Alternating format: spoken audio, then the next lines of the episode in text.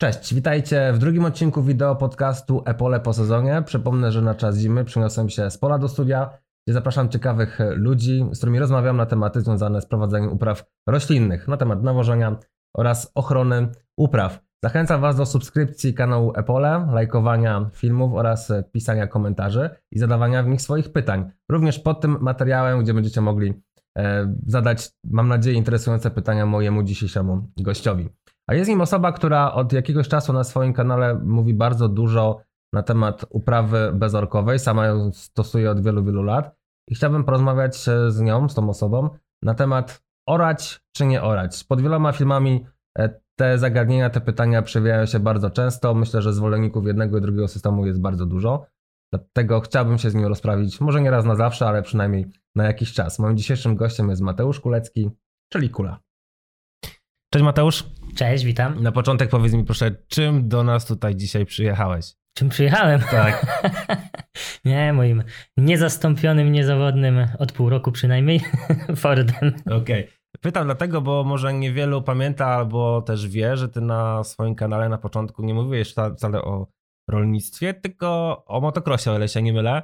E, o swojej pasji. Może nie tyle mówiłeś, co pokazywałeś, tak? Oj, to szczeniackie lata. Szczeniackie ale lata, wiesz, ale one ja zostały. Dzisiaj sobie tak jechałem tutaj i tak sobie kminiłem, bo e, no, miałem jakieś tam przemyślenia i tak sobie rozmawialiśmy z Agnieszką, ja zawsze taki byłem grzeczny i tak dalej, i tak sobie myślałem, no ty wcale taki zawsze grzeczny nie byłeś. Pamiętam jak kiedyś na Kortowiadzie, jak studiowałem w Olsztynie, razem z grupą znajomych właśnie wbijali, wbili, wbiliśmy się motocyklami tam na Kortowiadę i po znanej górce kortowskiej, żeśmy sobie trochę pojeździli, aż straż e, uniwersytecka była zmuszona podjechać. Także no, ja byłem spokojny. Ale, ale jest co wspominać przynajmniej, bo takie wspomnienia zostają później. Tak, tak, tak, tak, oj. Ale wracasz czasami do tej swojej pasji, czy to jednak jest tak, że trochę się to życie zmieniło i nie ma czasu na to? Znaczy bardzo się życie zmieniło i motocykl stoi cały czas, on już teraz zaczyna, za chwilę będzie już w takim wieku, że będę mógł mu żółte tablice zamontować ale y, znaczy no nie ma czasu, żeby pojeździć, po prostu nie ma czasu. Wiesz, jak jest wolna chwila, to na pewno wiesz po sobie, to jednak wolisz tą, tą wolną chwilę, ten wolny czas z dziećmi spędzić, a no jednak trójkę dzieci nie wrzucę na, na motocykl, żeby się przyjechać, bo no dokładnie, jest to, to trudne. To, znaczy, okej, okay, będąc kawalerem, nie mając dzieci, to tego czasu było bardzo dużo i człowiek czasami szukał. Ja wiem sam po sobie, kiedyś dużo grałem na gitarze, dzisiaj już te, te, tego czasu nagrania ma po prostu. Wiesz, ale z dziećmi na gitarze jeszcze pograsz w domu. No tak, no. tak, ale to wiesz, pod warunkiem, że nie zerwą struny nie? podczas grania.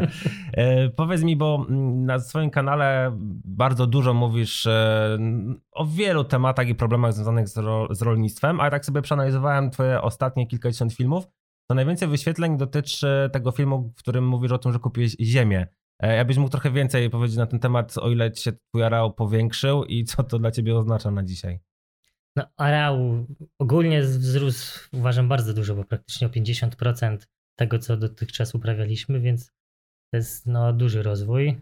Około 70 hektarów doszło nam łącznie.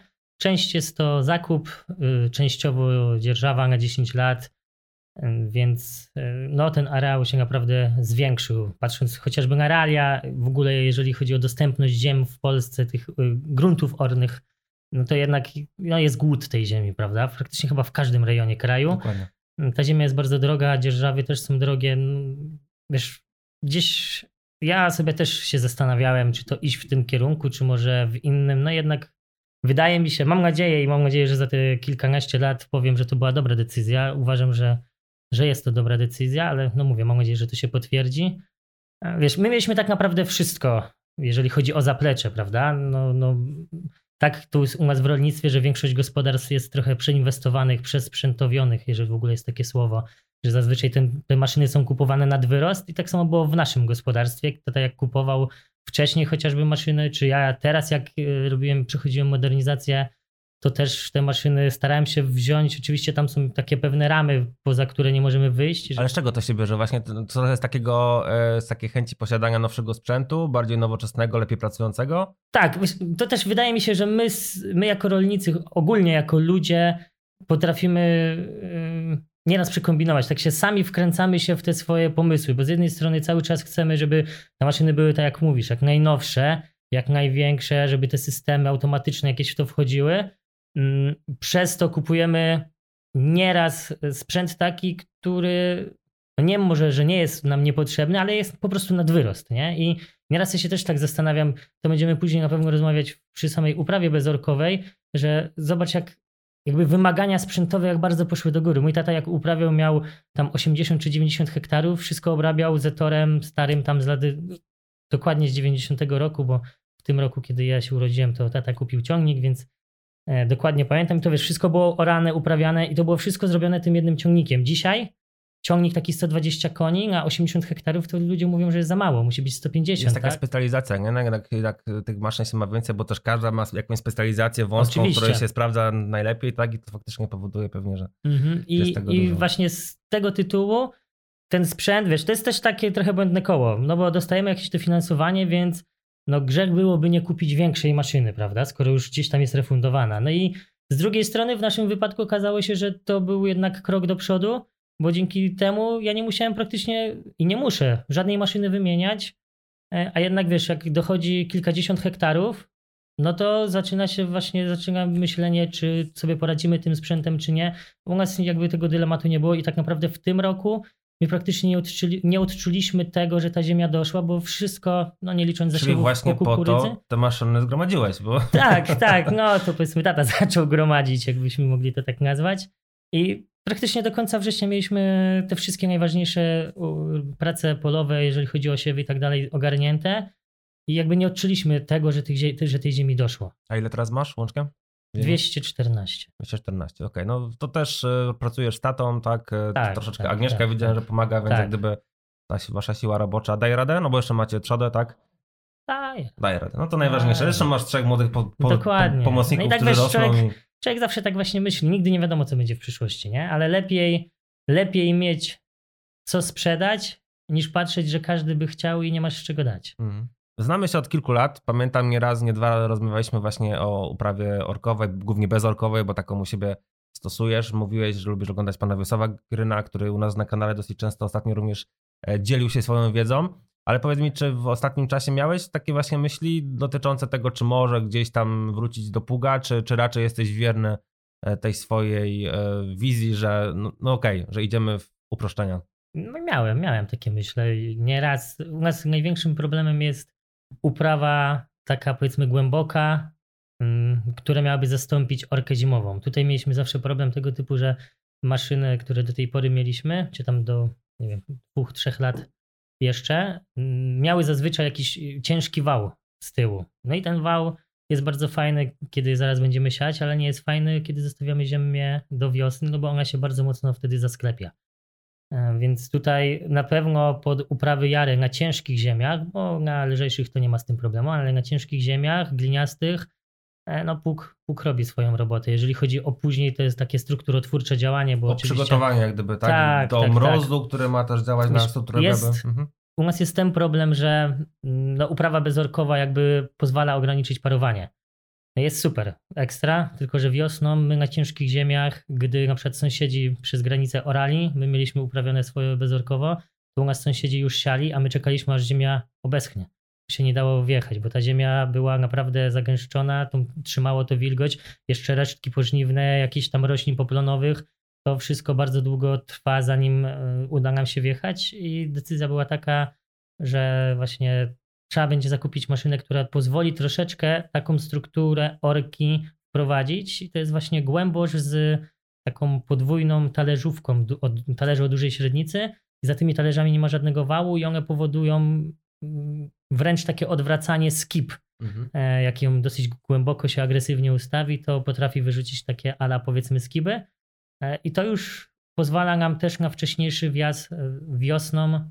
Ta ziemia jest taka spulchniona, wiesz, ona nie jest na zimę przygnieciona niepotrzebnie, tylko sobie gdzieś tam oddycha. No i w tym roku już poszliśmy jeszcze krok dalej, bo do Głębosza zamontowaliśmy siewnik poplonów i od razu jedziemy w ściernisko tym, wysiewamy między plony poplony i to zostawiamy do wiosny. No i teraz będzie powiedzmy teraz kolejna wiosna 2022, to się okaże, w tej, tej wiosną się okaże, Boże, tej wiosną, E, czy to zdaje egzamin, czy nie. Mhm. E, powiedziałeś dosyć ważną rzecz, którą myślę, że warto podkreślić, że w, w, sytuacji, kiedy warunki wodne w glebie są dobre, to faktycznie ta oprawa bezorkowa jeszcze bardziej tą wodę nam pozwala utrzymać i to nie jest do końca korzystne i z tym się na pewno muszą zmierzyć wszyscy, wszyscy ci, którzy pracują na glebach cięższych. Ale z kolei w Polsce mamy najwięcej gleb właśnie lekkich, gdzie mamy raczej problem z gromadzeniem tej wody. I tutaj pewnie jest ta główna zaleta oprawy bezorkowej, utrzymywanie wody, w szczególności wtedy, kiedy tej wody jest mało i brakuje.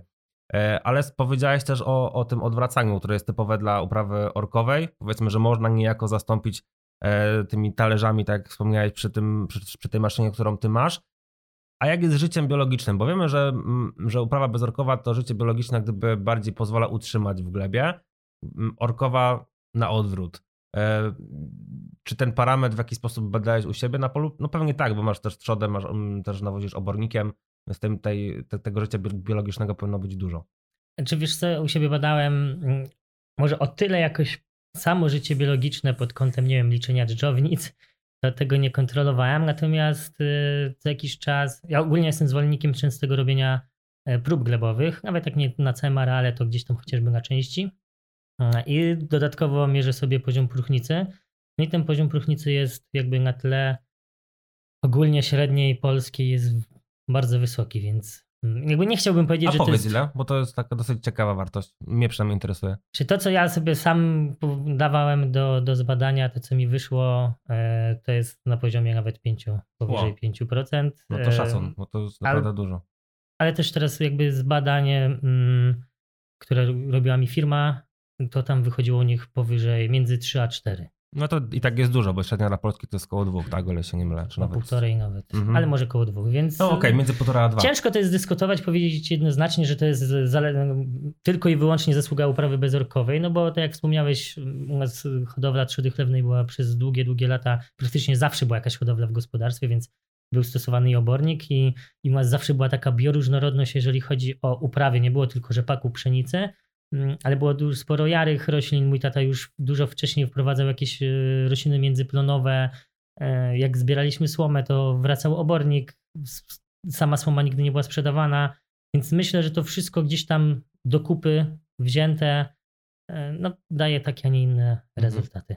A porozmawiamy teraz może chwilę o tym, co może być niejaką, może nie, że wadą, ale tą negatywną stroną uprawy bezorkowej bo dużo się mówi o, okay, o nagromadzeniu chwastów, szkodników, chorób, w szczególności przy prostych podozmianach, ale mówi się także o problemie z dostępnością fosforu. Pewnie u Ciebie właśnie ze względu na obornik ten problem nie jest istotny, ale jakbyś tak mógł trochę teoretycznie powiedzieć, e, na ile tego zauważasz może w innych gospodarstwach, gdzie to prawa bezrokowa jest. No bo fosfor nie jest mobilny w glebie, tak, i jak gdyby trudno go dostarczyć do gleby w sytuacji, kiedy nie możemy tej gleby wymieszać. Mhm. No, u nas jakby ciężko mi jest powiedzieć, jak to wygląda w innych um, gospodarstwach, bo jakby u siebie w okolicy nie znam takiego, które by stricte od iluś lat pracowało tylko w bezorce, tylko w tym jednym systemie. Są gospodarstwa, które bardzo długo stosują bezorkę, ale jednak stosują też e, od czasu do czasu orkę, więc no nie wiem, jak. Jakby nie chciałbym się tutaj mhm. na ten temat wypowiadać. Ja zawsze lubię się wypowiadać na moim przykładzie, dlatego nieraz gdzieś wygląda, niektórzy nieraz się denerwują, no bo powiedzmy sobie, że te no, warunki mamy... są różne, prawda? Dokładnie, mhm. warunki są różne, a u nas to wygląda całkiem dobrze. Zawartości są bardzo wysokie praktycznie wszystkich składników, łącznie z siarką, magnezem. Ja już od nie wiem, 5-6 lat nie stosuję nawożenia pod zbo oziminy jesienią, kompletnie żadnego. Mm, pod rzepak bardzo mocno ograniczyłem to nawożenie. Mm. Ale dajesz obornik, prawda? Jak Ale wiesz co, z tego obornika, jakby z mojej tylko hodowli to tego obornika nie ma dużo. Okay. To jest tam, nie wiem, To pokrywa 4... ile procent powiedzmy Oj, gospodarstwa? teraz to pół... Nie, czekaj, teraz to było gdzieś tam 2%. Tak? Aha, okej, okay, okay. Myślałem, że więcej. Nie, nie od pewnego czasu wymieniam się z sąsiadem na, na obornik e, za słomę i no wtedy tych hektarów jest więcej, ale to zazwyczaj obornik stosuje, zazwyczaj praktycznie, to w zeszłym roku powiedzmy taką wpadkę zaliczyłem, e, pod jarę zasiewy, właśnie gdzieś pod kukurydzę, mm, pod mhm. jęczmień. Tutaj taka ciekawostka, o której warto, wydaje mi się, powiedzieć, bo bardzo często w tych takich starych opracowaniach można było przeczytać, że w oborniku, czy to świńskim, czy bydlęcym, jest dużo azotu stosunkowo i potasu, mało, mało fosforu. A czytałem ostatnio taki ciekawy artykuł profesora Grzebisza w Tobagrarze, który właśnie trochę odwraca tą tendencję, pokazuje, że jednak zmieniło się, się żywienie tych zwierząt i w oborniku e, świńskim jest na przykład dużo fosforu, no bo Mhm. jednak te świnie nie są żywione ziemniakami, tak kiedyś, tylko ta pasza jest inna i też zmienił się skład tego obornika.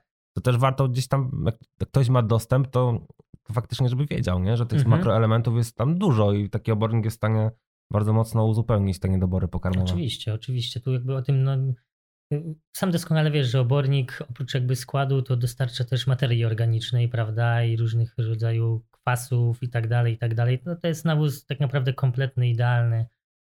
Ale też na jego efekty działania No, trzeba nie poczekać. tylko Mhm. poczekać, ale też muszą być odpowiednie warunki, prawda? Bo to, to nie jest tak, że zawsze on będzie działał tak samo. Mhm. No okej, no pewnie. Tem, temperatura gleby, procesy, które w Wilgoć, glebie zachodzą tak dokładnie. dalej. E, Od 2023 roku mają tak zwane ekoschematy i jednym z ekoschematów ma być m.in. przejście z uprawy orkowej na bezorkową. Tutaj o tym mówi się dużo, głównie w kontekście ochrony klimatu, powiedzmy, tak, i zmniejszenia emisji gazów cieplarnianych, gdzie jednak ta uprawa bezorkowa jest pozytywna, bo ona pozwala gromadzić więcej materii organicznej w glebie. E, Znalazłem takie opracowanie, które pokazuje, że około 800 tysięcy hektarów na ten areał znajdą się pieniądze, żeby takie e, przejścia wystąpiły. Czy według Ciebie to jest dużo, czy nie dużo? Areał, jaki jest zakładany? 800 Nie, tysięcy. Raczej Mhm. nie, nie jest to jakaś tam oszałamiająca liczba.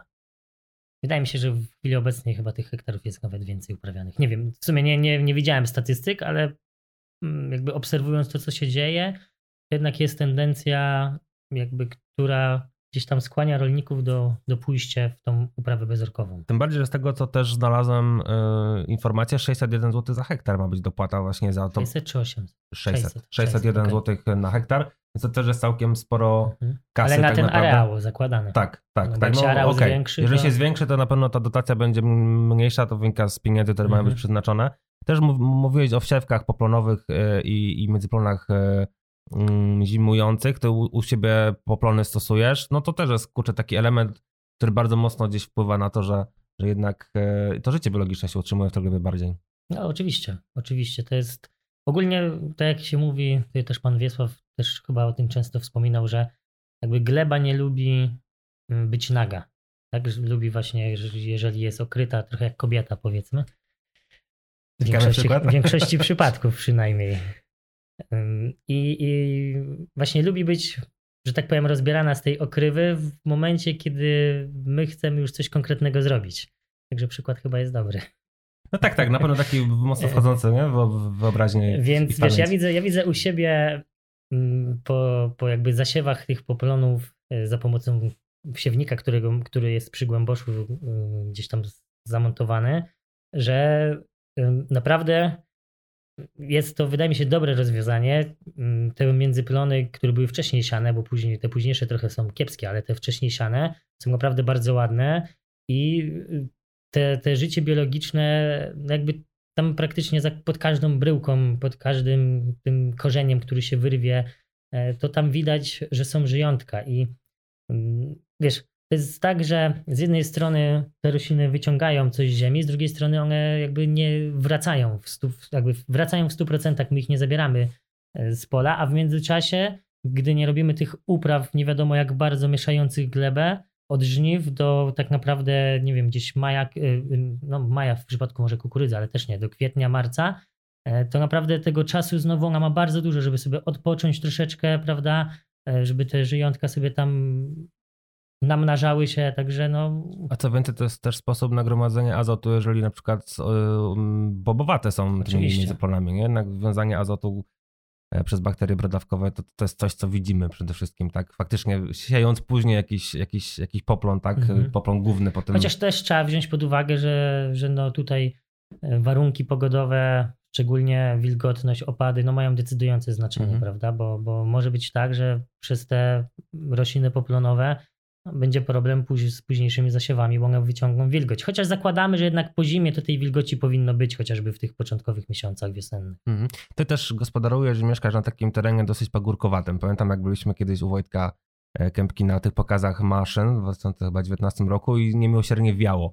Erozja wieczna to jest też taki element, na który się zwraca uwagę, w szczególności jako zaleta oprawy bezorkowej. E, czy to też w jakiś stopniu u ciebie była, był argument za tym, żeby wejść w uprawę bezorkową, żeby tej erozji wiecznej i wodnej, ale głównie wiecznej było mniej, żeby nie wywiewało tak tej gleby? Na tych ciężkich ziemiach raczej nie dochodziło do jakiegokolwiek wywiewania. Zdarzało się, że po gwałtownych burzach na tych skłonach e, no, robiły się jakieś takie powiedzmy rowy po spływającej wodzie. Pamiętam, że w jednym roku, ale to już pewnie z 10, może 12 lat temu, była taka bardzo, bardzo gwałtowna burza. Mm, tata zasiał rzepak i wszystko spłynęło do rowu, bo pole takie z jednej strony przechylone, jest rów na końcu i rów normalnie cały był zasyp, zasypany wręcz, można by powiedzieć, tym piaskiem. E, I to wszystko powiedzmy popłynęło. Czy wtedy jakby ta uprawa bezorkowa była dłużej prowadzona, czy by jakby przeciwstawiła się temu, to ciężko powiedzieć, ale mm, na tych słabszych ziemiach dochodzi do takich erozji wiecznych również. Mm, ale to nie był jeden z argumentów, który gdzieś tam zdecydował o tym, żeby mhm. wejść w wyprawę bezorkową. Jak, jakoś, jakieś uzupełnienie. Znaczy w ogóle, jeżeli mogę jeszcze wtrącić, myślę, że w, w, momencie, kiedy wchodziliśmy w uprawę bezorkową, to nie było to robione pod kątem, tak mi się wydaje, ochrony gleby, tylko pod kątem ułatwienia sobie pracy. Jakby to był, u nas to był przypadek, ja już to o tym niejednokrotnie mówiłem, że po prostu była awaria pługa i częściowo uprawiliśmy jakimś tam starym gruberem, no i okazało się, że całkiem nie głupio to wyszło, więc decyzja była taka, że sprzedajemy płuki i wchodzimy w tą bezorkę i dopiero później zaczęliśmy widzieć dodatkowe plusy, o których wcześniej jakoś tam za bardzo nie myśleliśmy, e, a które dzisiaj są już naprawdę widoczne. Mhm. E, też mówi się o tym, w szczególności mówią o tym praktycy, którzy uprawę bezorkową no, praktykują od wielu lat, że ważne jest to, żeby gdzieś na tym polu, na którym bezorka występuje, żeby utrzymać ten system, bo jeżeli ktoś nie wiem, po 3-4 latach bez orki nagle wejdzie z orką, to psuje całą pracę, którą wykonał. Tutaj pan Wiesław również o tym bardzo mocno mówi, żeby jednak być cierpliwym i najlepiej puk sprzedać, tak, jeżeli się już go ma. E, zgodzisz się, czy masz swoje zdanie trochę inne w tym temacie? Nie, uważam, uważam, że faktycznie to powinno być kontynuowane, bo jakiekolwiek procesy, na które mamy wpływ, czyli jeżeli chodzi o nawożenie, jeżeli chodzi o odbudowę pH, trwają latami tak naprawdę. To nie, nie da się pewnych rzeczy zrobić z roku na rok, czy nawet w przeciągu trzech lat. Są procesy bardzo długotrwałe i tutaj tu jest dokładnie tak samo. Żeby nagromadzić próchnicę, żeby te wszystkie mikroorganizmy się naprodukowały, żeby się rozmnożyły, e, żeby ta gleba, ja to tak mówię trochę brzydko, ona musi się też przegryźć. Musi jakby na, nauczyć się tego, co my na niej robimy. I mm, żeby coś osiągnąć, to trzeba dużo długo naprawdę bardzo budować i łatwo jest to dosyć szybko zniszczyć. E, to też nie jest tak, że, że mm, gdy robimy bez orkę przez wiele lat i wiedziemy pługiem, to ta ziemia nam przestanie rodzić, bo absolutnie tak nie jest. Tylko no, są sytuacje, w których jesteśmy zmuszeni do tej orki, ale jednak w sytuacjach, kiedy nie musimy, to jednak, a już faktycznie tą bezorkę robimy przez wiele lat, to ja bym jednak starał się e, pójść w stronę, tak, mhm. tak, tak, próbować zrobić inaczej, zrobić nieraz może troszeczkę według, nie wiem, czy to nawet sąsiadów, czy innych, trochę na, na, na, na ładnego słowa muszę użyć, na bałagan, tak, że, że nie dokładnie może tak, jak powinno być, jak mówią o tym podręczniki, e, a wcale nie jest powiedziane, że wyjdzie nam, nam gorzej. Ten efekt finalny, pamiętajmy, że tutaj nam też bardzo zależy, co by nie było jednak, na tym efekcie ekonomicznym, prawda, i też musimy pod tym kątem patrzeć. Ale też nie możemy być krótkowzroczni, bo to nie chodzi o to, że jak robimy bezorkowo, to mamy zrobić wszystko e, jak najszybciej, jak najtaniej, bo to nie o to wcale chodzi. Bezorka też potrafi być bardzo kosztowna i bardzo energochłonna, ale potrafi się naprawdę w późniejszym okresie odwdzięczyć. Mhm. Na sam koniec mam jeszcze dwa pytania, e, ponieważ ok, o uprawie orkowej, bezorkowej moglibyśmy mówić dosyć długo. Bardzo ale wiele tematów nie poruszyliśmy. Myślę, że zgodzisz się ze mną, że moglibyśmy się jeszcze spotkać nie raz i kontynuować pewne tematy, więc jeżeli e, ten format się spodoba naszym widzom, to zapraszam. E, Dzięki. Ale dwa pytania takie kończące. Pierwsze, myślę, bardzo na czasie. Jak ty podejdziesz do nawożenia azotem rzepaków i zbóż o zimach? U mnie w tym roku jest temat bardzo ciekawy, bo tak naprawdę mam zboża w bardzo różnych fazach rozwojowych e, i tak naprawdę muszę, musiałbym spojrzeć na prawie że każde pole inaczej, jeżeli chodzi o nawożenie. W rzepaku jest troszeczkę łatwiej, to może zacznę od rzepaku. W rzepaku będę stosował około 160-150 kg azotu na raz w formie RSM-u. E, i tutaj większej filozofii nie ma. Czyli dla ciebie standard, bo z tego co pamiętam Tak, to od lat tak, tak, tak, jedziesz. tak. Troszeczkę tylko to nawożenie będzie jakby ucięte. Natomiast jeżeli chodzi o zboża, to mam zboża w bardzo różnych fazach rozwojowych. Mam, mam zboża, które mają po 6, 7, 8 rozkrzewień i tak naprawdę, które w, w chwili obecnej wyglądają jak łąka, pomimo, że były bardzo rzadko siane, bo po 220 sztuk na metr. Ale mam też pole takie, gdzie miejscami zboże dopiero wykiełkowało, a miejscami nawet jeszcze nie, więc zarówno jedno pole, jak i drugie będę musiał potraktować w zupełnie innym e, wymiarze, jeżeli chodzi o azot. I Czyli tak- podać azot w innych formach, tak? Szybko no działające, właśnie z tymi formami, wiesz, e, żeby realia cenowe były inne, to bym pewnie kombinował. A że kupowałem wcześniej trochę azot, bo też liczyłem na to, że te zboża będą inaczej wyglądały, bo to jest u nas taka ciekawostka w tym roku. Jest, nie wiem, jak jest w innych rejonach kraju, ale siane bardzo wcześnie zboża wyglądają bardzo ładnie. Y, Te siane w terminie, u nas nawet też wcześniejszym, ale powiedzmy optymalnym, e, wyglądają zdecydowanie gorzej niż w zeszłym roku siane o tej samej porze, jeżeli chodzi. Ale to wynika z temperatur chyba, Tak, prawda? Bo tak, one były dużo tak, niższe tak. w tym roku. Dokładnie, dokładnie. No i znowuż mówię, te os- wiem, wiem, że na przykład niektórzy siali powiedzmy początek października, połowa października siali troszeczkę gęściej i mają naprawdę bardzo ładne, bardzo ładne plantacje, ładniejsze od tych, które na przykład ja mam, siane, które były siane optymalnie, w optymalnym terminie, czy tym ciut wcześniejszym. E, No i mówię, i te bardzo późne pszenice w teorii powinny dostać formę saletrzaną, tak, szybko działającą, no, ale że takowej nie mam, więc pójdzie chyba, tak sobie myślę, RSM w jednej dawce też około 160 kg właśnie po to, żeby mieć na tyle dużą tą formę y, szybko działającą, żeby no, zadziałała uderzy, tak uderzeniowo pobudzająco. Natomiast te bardzo ładne potraktuję myślę 50 kg azotu w czystym składniku. Mm, A w jakiej formie? też RSM. Ja okej. mam praktycznie tylko RSM i mam do tego mocznik, mocznik pod kukurydzę, więc, e, więc muszę się w ten sposób ratować. Okej, ale to też wydaje mi się, że bardzo dużo tu zależy i tak i tak od tego, jaka będzie pogoda, prawda? Oczywiście. Bo ona oczywiście. trochę wpłynie na to, jak ten nawóz, który dostarczysz, będzie mógł zadziałać Właśnie to jest, to jest to, że z jednej strony powinniśmy wyjechać z tym nawozem jak najszybciej, z drugiej strony formy, jakie są w RSM-ie, stawiają przy nim taki znak zapytania i zastanowienia się, czy jednak jechać z nim szybko, czy jednak ciutkę poczekać. I to tak z jednej strony powinniśmy jechać bardzo szybko, bo tych form szybko działających jest w sumie niewiele, więc powinniśmy też dać czas tym formom wolniej działającym na prze, przemiany. Z drugiej strony, jak będzie zimno, to te przemiany też nie będą zachodziły tak, jak powinny. Okej, ale masz gleby cięższe, tam nie będzie strat też związanych z wymywaniem. Nie, więc- z wymywaniem to nie ma praktycznie w ogóle Tak, dyskusji. więc tutaj jak gdyby powtarzając słowa, zdanie y, doktora Szczepaniaka, lepiej, żeby azot czekał w Oczywiście. glebie na roślinę niż na odwrót, więc pewnie okej, pewnie jeżeli nie będzie żadnych wahań temperatury, to lepiej będzie to zrobić jak najszybciej, no bo faktycznie no te formy będą dostępne później, Mhm. tak, a, a też nie wiadomo jak ta wiosna się potoczy, ale na pewno co do wykorzystania tego azotu przez rośliny, no to tutaj już temperatury będą grały dużą rolę. Okej, to też jest ciekawy przykład, bo faktycznie to jest trochę dopasowanie tego, co ci, to, co ci dało życie w cudzysłowie na zasadzie zakupu nawozu e, w, trochę wcześniej i dostosowania tego do realiów. A drugie pytanie na sam koniec. e, Jakbyś mógł polecić dwa kanały na, na YouTube, które oglądasz, śledzisz i mógłbyś polecić? Co jest taki kanał, teraz wiem, że mam mniej jakby filmów dodawanych, ale kanał, który mi się od zawsze bardzo podobał, który się nazywa Byłem na polu. Bardzo profesjonalne filmy, naprawdę ogląda się z wielką, z wielką przyjemnością. I drugi kanał, i tutaj wyjdzie trochę ta moja taka strona łobuzowa, to jest kanał zupełnie niezwiązany z, rolnictwem, a z matematyką. Ja w sumie lubię matematykę, zawsze lubiłem. To gdzie, kanał, to, to, gdzie, to gdzie tu łobuz, jak matematyka? słuchaj, kanał się nazywa Patomatma. A, okej. Jak obejrzysz, to będziesz wiedział, gdzie Okej. tam jest łobuz, bo, bo jest to tłumaczone w taki e, bardzo prosty, w prostych formach, takich no, trochę wulgarnych, ale mi się tego słucha naprawdę bardzo dobrze i gdy mam chwilę wolnego, lubię sobie odpalić i po, przypominać te czasy szkolne i dowiedzieć się czegoś ciekawego w takiej formie trochę wulgarnej. Do mnie, do mnie to przemawia. Okej. E, To dzięki za to, że się podzieliłeś e, tymi swoimi też e, preferencjami, czy tym po prostu co oglądasz. Ten materiał pojawi się w święta, więc chciałbym, żebyśmy przy okazji mogli złożyć naszym słuchaczom i widzom życzenia bożonarodzeniowe. Czego życzysz sobie i innym rolnikom na święta i na Nowy Rok?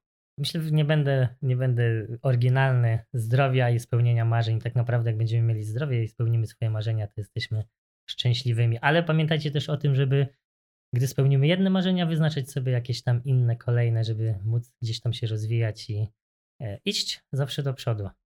Dokładnie, to jest ważne, sobie stawiać cele, które można, e, do których trzeba dążyć, tak, albo można dążyć.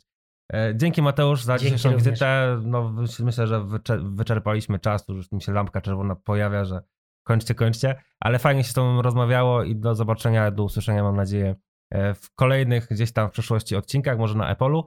E, A was zapraszam na kolejny wideo podcast Epole po sezonie, który pojawi się już w nowym roku, a w nim z moim gościem będę rozmawiał o odporności, o odporności chwastów na herbicydy. Nie zdradzę dzisiaj, kto będzie moim gościem, zobaczycie za tydzień. Wesołych, spokojnych, zdrowych, rodzinnych świąt. Do zobaczenia w nowym roku. Dajcie suba, piszcie w komentarzach pytania do Mateusza. Mateusz na pewno na nie odpowie. Jak No i do zobaczenia. Cześć. Cześć. Pamiętajcie, że Epole po sezonie, poza YouTube'em oraz Facebookiem, możecie również posłuchać jako podcasty w serwisach iTunes, Spotify oraz Stitcher.